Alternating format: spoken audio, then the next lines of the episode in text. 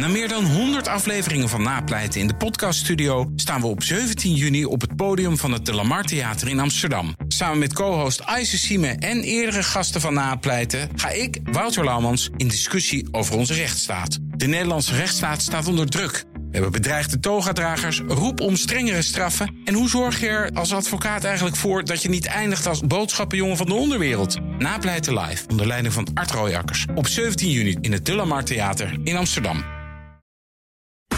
BNR Werkverkenners wordt mede mogelijk gemaakt door BrainNet. BrainNet voor zorgeloos en professioneel personeel inhuren. BNR Nieuwsradio. Werkverkenners. Rens de Jong. Miljoenen Nederlanders zitten of werken deze weken thuis. Noodgedwongen door het coronavirus. Grote kans is dat jij een van hen bent. En dat betekent dat je van de een op de andere dag... ineens veel minder contact hebt met mensen... die je normaal gesproken iedere dag ziet. Je collega's. Best een goed moment daarom om het eens over hen te hebben. Want wat vinden we nu eigenlijk van die lui? Beginnen we ze al een beetje te missen? En, ook best interessant, kunnen ze jouw aanwezigheid een beetje waarderen? Collega's dus. Daarover gaat het in deze BNR Werkverkenners. En dan blijkt onder meer dat we het moeten hebben over introvert versus extravert. Wat mij opvalt in deze hele korte periode... Hè, ik heb veel uh, dat we via Microsoft Team uh, vergaderingen hebben. Daar valt mij op, dat is voor mij een veronderstelling... die ik ook wel graag zou willen toetsen... is dat introverte mensen dit beter doen dan extraverte mensen. En introverte mensen die, uh, die zijn prikkelgevoelig. En in de gesprekken zie ik dat deze mensen heel vaak zijn ze ook nog wat, soms, sommige daarvan die zijn ook behoorlijk consciëntieus, dat ze heel veel werk verzetten uh, nu ze thuis werken. Zo extraverte mensen hebben, die, die, die, ja, die worden kriebelig omdat ze geen prikkels krijgen. En deze, jezelf een spiegel voorhouden. Het is ook altijd goed om door de bril van anderen naar jezelf te kijken als collega. Ook omdat je uh, met je eigen gedrag het gedrag van anderen kan beïnvloeden. Dat dus zometeen maar nu eerst. Johan Goedhart, director Product and Platform bij onderzoeksbureau Memo 2. Zij organiseerde recent een peiling onder duizend thuiswerkers. Met als belangrijkste vraag: welk aspect van de werkvloer mis je nou het meeste? Wat mij het meeste opviel was dat daar 75% eigenlijk op reageerde dat ze de uh, collega's het meeste misten.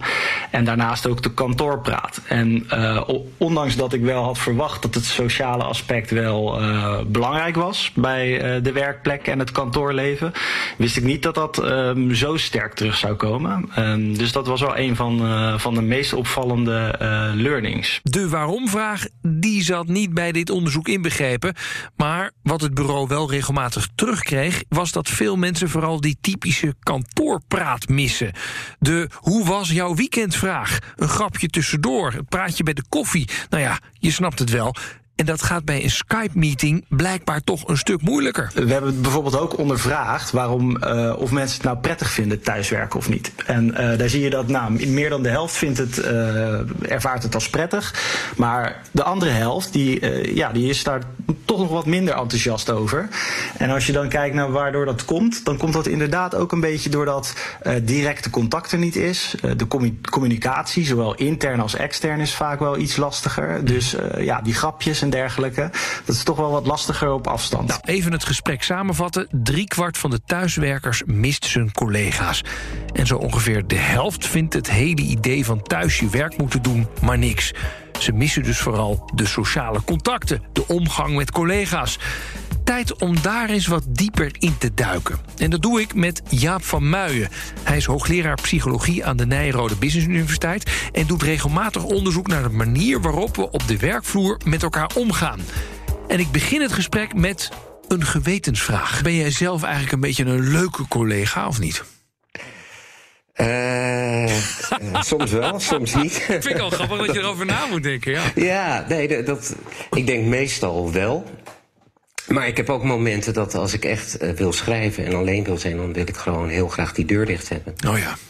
En dan straal je ook uit, leave me alone. Precies. Ja. Dat, uh, ja. dat herken ik eigenlijk ook wel hoor. Ja, moest hij toch even over nadenken. Maar goed, zo gek is dat ook weer niet. Want ga je zelf maar eens na. Heb jij meteen het antwoord paraat als iemand jou deze vraag stelt? Feit is in ieder geval wel dat wij Nederlanders best blij zijn met onze collega's. Zo vertelt Jaap. Dat uh, blijkt dat, zeg maar, in het algemeen is men tevreden. En dat moet je zien. Uh, we hebben gekeken van, uh, naar sectoren, branches dus, hoe men tevreden is. Maar ook zijn er man-vrouw verschillen. En heeft opleiding er wat mee te maken. Nou, je ziet in het algemeen dat hoe hoger opgeleid, hoe meer men tevreden is. Uh, en dat er weinig verschillen zijn tussen mannen en vrouwen in het mhm. algemeen. En dat er wel wat verschillen zijn in sectoren. Maar je kunt zeggen, globaal liggen de cijfers allemaal boven de 75 uh, procent. Ja, ja, de 75 procent van de mensen is blij met zijn of haar collega's. En eh, is, valt dat te verklaren of zien we dat eigenlijk iedere dag wel... omdat we voor het grootste gedeelte toch altijd wel weer onze collega's een beetje missen... als we een tijdje weg zijn geweest? Nou ja, kijk maar naar vakanties. dan, dan, gaan mensen toch heel aangenaam met elkaar praten. En wij zijn natuurlijk wel een land uh, waar we heel veel vergaderen en overleg met elkaar plegen. Dus, dus we praten ook relatief veel met collega's. Ja, en, veel meer dan in het buitenland. Dus, dus ja, en dus missen we ze ook meer, omdat we ze gewoon opeens niet meer om ons heen hebben de cijfers tonen aan dat men uh, blij is met de collega's waarmee men ja. in het algemeen werkt. Communiceren natuurlijk even met, met uh, Microsoft Teams en met Zoom en met Skype en uh, nou, weet ik veel wat, Google Meet. Ja. Um, dat kan volgens mij toch niet het koffiezetapparaat vervangen, of wel? Nou, dat heeft ook wel te maken hoe gebruiken we het. Uh, ik hou me vrij veel bezig met leiderschap. En ik heb nu een aantal mensen die ik coach... die vragen ook aan mij van hoe gaan we het gebruiken. Nou, wat je niet moet doen is met 15 à 20 man in, in, in, een meeting gaan zitten... en dan aan iedereen vragen hoe gaat het met je. Want voor je weet ben je anderhalf uur verder en er vindt niks plaats. Dus ik zeg, je moet dan ook echt hele eh, punten... waar wat betrekking heeft op het werk... die moet je echt in zo'n wat grotere meeting uh, behandelen... Mm -hmm. En dan moet je heel duidelijk spelregels afspreken. Dus dat je niet door elkaar heen gaat praten. In ieder geval zodat je het zo efficiënt mogelijk maakt. En ik raad bijvoorbeeld die leidinggevende aan om heel veel bilaterale te houden. Ja, ja. Maar tien minuten. En dat je daar juist de aandacht even aan het individu, besteedt. Maar het koffiezetapparaat, dat missen we dan? Of, of denk je, nou, dat valt eigenlijk wel mee? Ja, we hebben wel andere... Ik, als je naar mijn WhatsApp-box krijgt, kijk, dan loopt die behoorlijk vol. Ja, met allemaal ongein. Ik krijg alleen maar YouTube-video's over corona binnen, zeg maar, van collega's. Ja, ja. Wat mis jij het meeste op dit moment? Uh, wat ik het meest mis zijn uh, mijn colleges. Dus gewoon uh, de interactie. Ik, ik zit veel in open courses. Dus dat je gewoon met een zaal van 20, 25, 30 man 3,5 uur een thema behandelt en daarover praat, interactief. Uh, dat mis ik uh, behoorlijk. En ik ook veel van mijn. Ik ben ook organisatieadviseur. Ook dat is allemaal uh, afgezegd. Dus ik mis de, de, de groepsdynamiek waar ja. ik heel vaak in zit. Ja, ja, en dat gaan we online ook niet terugkrijgen, natuurlijk. Nee, dat is niet online uh, terug te krijgen. Nee, ben ik helemaal met je eens. Uh, waar ik nog even op wil inzoomen. Jij zegt, er is een groot verschil tussen hoe mensen hiermee omgaan... of je introvert of extravert bent. Kun je daar iets ja, meer over zeggen? Nou, in, in het algemeen, introverte mensen, dat zijn uh, mensen die wat prikkelgevoelig zijn en die zijn wat meer naar binnen gekeerd. En extraverte mensen, die hebben juist prikkels nodig om aan de gang te gaan. Die zijn wat meer naar buiten gekeerd. En je kunt het beste zien als je een, uh, een, een dag met collega's op pad bent geweest. Dan hebben de introverte mensen, die zijn blij als ze naar huis kunnen. En uh, willen s'avonds dan ook thuis niet al te veel uh, drukte om zich heen. Terwijl de extraverte mensen die gaan graag borrelen en nog met elkaar eten en dan nog even doorgaan. Daar zit ongeveer het verschil tussen. Mm -hmm. En uh, wat ik van verschillende mensen heb gehoord, maar ook uh, bijvoorbeeld mijn vrouw zit in het onderwijs, is dat bijvoorbeeld echt opvallend is dat die introverte kinderen gewoon keurig hun huiswerk doen, al is het online. En dat je bij extravert, ja, die zijn wat sneller afgeleid. En uh, hebben wat moeite mee om daar uh, consequent mee te werken. Maar je zou juist denken, thuis is er minder afleiding hè, voor de volwassenen. En ja, dus kunnen hebben... ook die extraverte types hun werk eens een keertje afkrijgen. Nee, maar die hebben prikkels nodig om aan de gang te gaan. Oh. Dus als zij geen prikkels hebben, worden ze ongelukkig. En, en prikkels zijn dan grappende collega's? Of, uh, ja, ja, ja, bijvoorbeeld. Of even bij elkaar binnenlopen. Dan, dan gaan zij zich prettig voelen. Ja, ja. En nu, nu worden ze een beetje ongelukkig. Ze zitten gewoon een beetje te sippen. Ja, of we gaan afleiding zoeken. bijvoorbeeld uh, toch, uh, wat ik van anderen heb gehoord... s morgens even hard rennen in het, bos en dan smiddags weer dit. En drie keer op een dag naar de supermarkt. Om toch te kijken of je nog bekenden tegenkomt en dan op afstand een praatje kan maken. En die leidinggevende, die heeft natuurlijk een rol daarin. Stel je voor, je weet dat je een kantoor hebt vol met extraverte types. En je, je weet dus dat ze prikkels nodig hebben om op een of andere manier aan het werk te gaan. Wat moet je als leidinggevende dan doen? Nou, in ieder geval regelmatig bellen. en, Oh ja. uh, maar maar even gewoon kletsen. En uh, ja, en, en, en zorgen, zeker als mensen nog alleenwonend zijn, ja, dan is dat toch lastig. Ja, ja. Al grappig dat je ook zegt, ga gewoon kletsen. Terwijl ik um, uh, uh, heel, misschien toch heel instructief zou zijn als ik dan leidinggevende ben. En je denkt, nou ja, ik bel eventjes, hoe gaat het met dat? Nou oké, okay, hoe is het verder? Iedereen gezond thuis, doei, weet je wel? Maar dat zeg nee, je dus en nee, Maar geef die mensen even de ruimte. Ja, ja. En over van alles. En daarna kun je terugkomen op het werk. Hoe staat het ermee? Wat doe je? Ja. Hey, nog Ja. één laatste ding. Um, er zijn deskundigen die zeiden: dit is het grootste thuiswerkexperiment ter wereld. En het kan bijna niet anders dan wij uh, vanaf nu gewoon met z'n allen meer gaan thuiswerken. Wat denk jij? Ja, vind ik moeilijk. Uh, om in te schatten. Uh, ik, het zou wenselijk zijn. Want tegelijkertijd besef ik ook heel goed dat het me minimaal 2,5 uur per dag scheelt. Uh, dat ik kan lezen, kan schrijven, Ja. andere dingen kan doen omdat ik niet in de file sta. Ja. Uh, en d- dus als het meer wordt toegestaan en je gaat daarna iets organiseren dat mensen op hun werk elkaar ook nog wel regelmatig zien, maar daarnaast gewoon ook thuis mogen werken, ja, dan zal heel wat problemen worden opgelost. Werkverkenners. Dat was Jaap van Muijen van de Nijrode Business Universiteit. Wat we dus nu weten is dat veel mensen hun collega's missen... maar dat het wel heel erg uitmaakt wat voor type mens je bent. Een beetje ingetogen of juist heel sociaal. En dan is er in deze aflevering sowieso nog één prangende vraag... die ik graag beantwoord wil zien. En die gaat vooral over onze eigen rol. Over irritaties en de vraag of je zelf eigenlijk wel een fijne collega bent. We zoeken het antwoord opnieuw in de hoek van de psychologie. Je hoort Roos Vonk, hoogleraar sociale psychologie... aan de Radboud Universiteit... en schrijver van het boek Collega's en andere ongemakken. We zijn heel erg gewend om steeds meer te doen per e-mail en op afstand.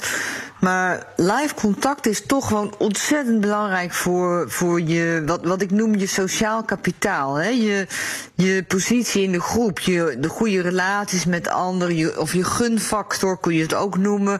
Hè? Dus gewoon je plezier in het contact met anderen, hoeveel krediet je hebt op de emotionele bankrekening. Dat zijn allemaal dingen die, waar je aan werkt als je gewoon bij de koffieautomaat staat te ouwe hoeren en helemaal niet bezig bent naar je idee met werken, dat is toch in feite heel veel werk, omdat je dan je sociale kapitaal opbouwt. En het is nog gezellig ook. Ja, is, is, is er. Um, is er een soort met van verschil aan te geven of een kausaal verband aan te geven wanneer een werkvloer gezellig is en dus dat je je collega's echt mist en niet? Zijn er ergens conclusies te trekken daar? Nou, ja, bedoel je waarom dat in zit? Want ik Ja. denk dat iedere werknemer wel weet of die het leuk heeft op de werkvloer of niet. Toch? Nee, dat kan je gewoon aan mensen vragen. Nee, zeker. Maar soms kan je je voorstellen... Bijvoorbeeld, ik, ik, roep, ik roep maar wat, hè, geen idee. Je hebt soms hele prestatiegerichte uh, Ja. werkvloeren met, met targets. Ik, ik denk even de, de Wolf of Wall Street. En ik had laatst uh, had ik een documentaire gelezen over of gehoord uh, over Enron. Weet je wel, over, dat was Mhm. alleen maar dank, dank, dank. Weet je wel, dat was bijna je collega, was bijna je vijand, want die haalde Ja. business weg. Ik kan me daar voorstellen dat je zegt, ja, dat is niet heel erg. Dan mis je je collega's niet heel erg, zeg maar. Dus ik voel me af of Nee, daar iets over te denk zeggen valt. ook. Ja. En dat, is, en dat is inderdaad, dat was in de ergernissen. Wij hebben destijds, mijn uitgever en ik, hebben we um, onderzocht wat de meest voorkomende ergernissen zijn op de werkvloer. En dat heeft te maken met wat jij nu noemt. De nummer één ergernis was gebrek aan collegialiteit. Hmm. En daar wordt precies datgene mee bedoeld waar je nu naar verwijst. Hè? Dus dat je je niet echt een team voelt, niet samenwerkt, maar dat het veel meer competitief is. En dat is denk ik wel iets waarin je organisaties en afdelingen kan, kan uh, onderscheiden. Dat aan het ene uiterste, je moet dat zien als een continuum. Daar zitten allerlei mogelijkheden tussenin. Maar aan het ene uiterste heb je, hè, wat jij net schetst, hele competitieve organisaties waar je puur op resultaten en targets wordt afgerekend. En waar je ook de hele tijd moet laten zien dat je beter bent dan anderen. En je wil winnen van anderen. En je gaat ook niet samenwerken of ideeën uitwisselen. Want dan ben je bang dat zij jouw ideetje pikken. Hè? Dus dat is het ene uiterste. En het andere uiterste is dat je veel meer gericht bent op samen doen en meer op het proces dan op het resultaat. Hè? Waarbij je ook je altijd ervan bewust bent van ieder resultaat wat we halen is een tussenstand. En bij alles wat we doen kunnen we ook leren van onze ervaringen en uitwisselen en daardoor weer leren. En dan zal je ook makkelijker ideeën delen met elkaar, omdat je denkt als een ander erop reageert, dan kunnen we samen tot een nog beter idee komen. En je zal ook eerder vertellen over iets wat niet goed is gegaan, omdat je van anderen wil horen hoe pak jij dat aan. He, terwijl in zo'n resultaatgerichte organisatie, dan wordt er meteen honend gelachen van jeetje, heb jij daar een probleem mee? Dat heb ik nooit.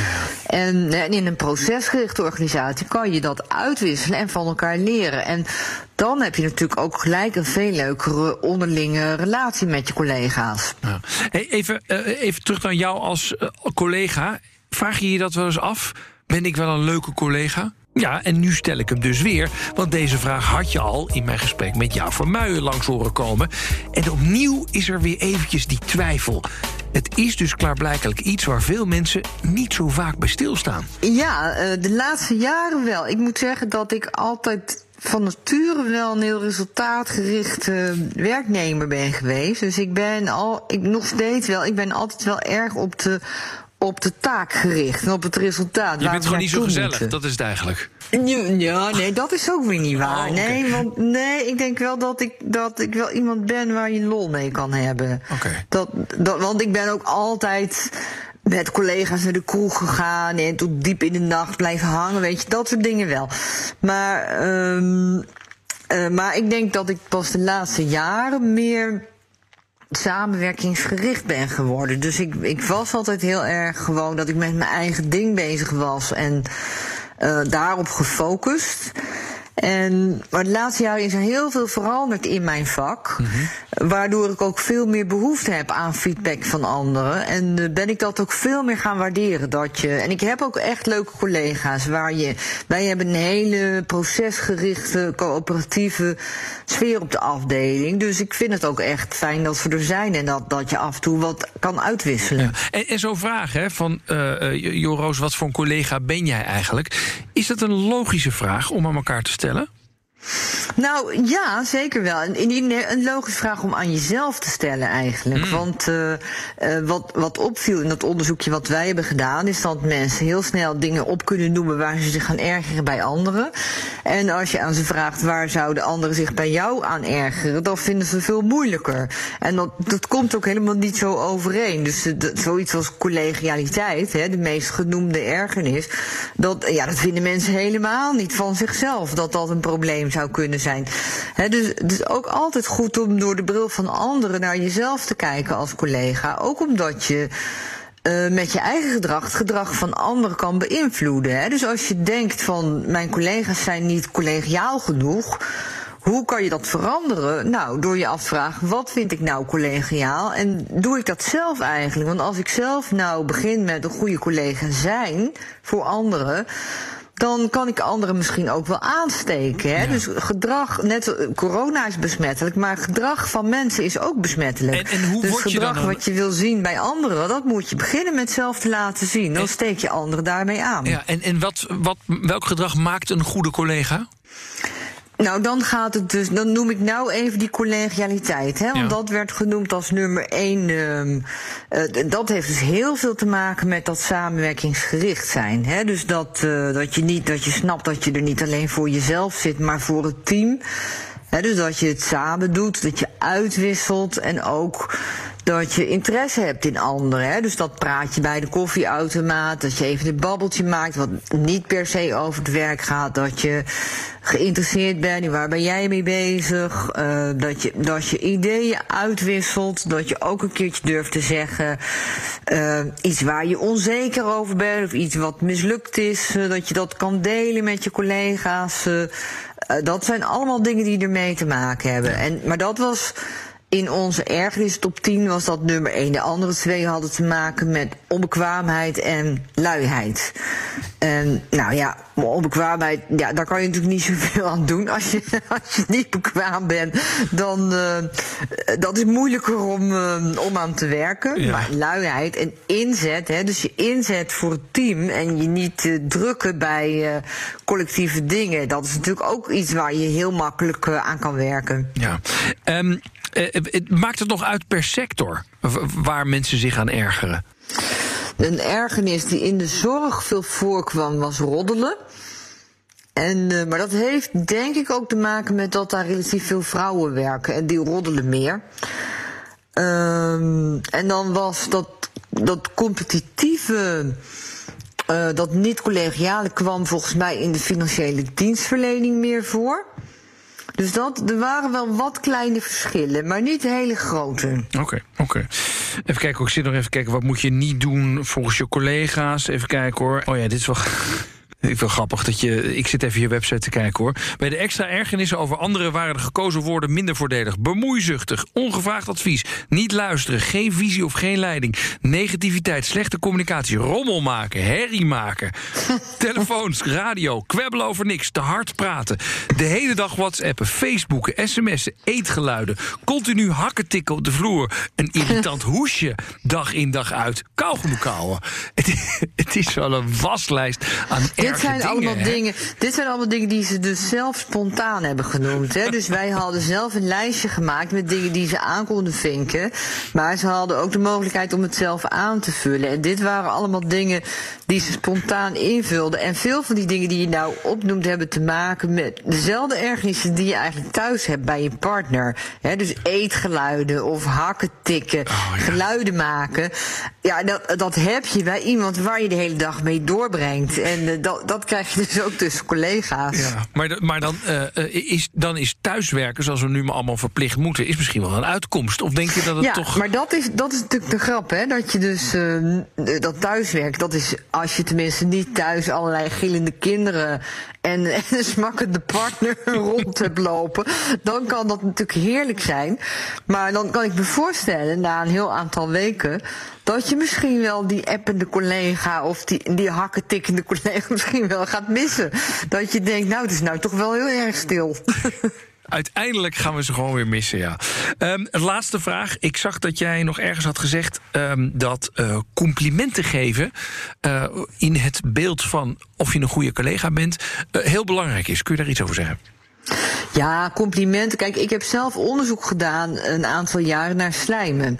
omdat dat ook iets is wat veel gebeurt op de werkvloer. En mijn eerste idee was toen van ja, waarom slijmen mensen? Want het is toch hartstikke doorzichtig dat je slijmt. En het grappige is, dat is ook zo. Dus als mensen iemand anders zien die aan het slijmen is, vinden ze dat heel erg doorzichtig en ze ergeren zich er kapot aan. Maar ik heb het onderzocht ook in een situatie bij degene tegen wie geslijmd wordt. En dan blijkt dat de, de beslijmde persoon, zeg maar, dat die, dat die het helemaal niet zo doorzichtig vindt. En dat ze zelfs vaak zeggen, hè, als ze tegen ze geslijmd is, dat ze vaak zeggen, nou, die heeft een hele goede kijk op mensen.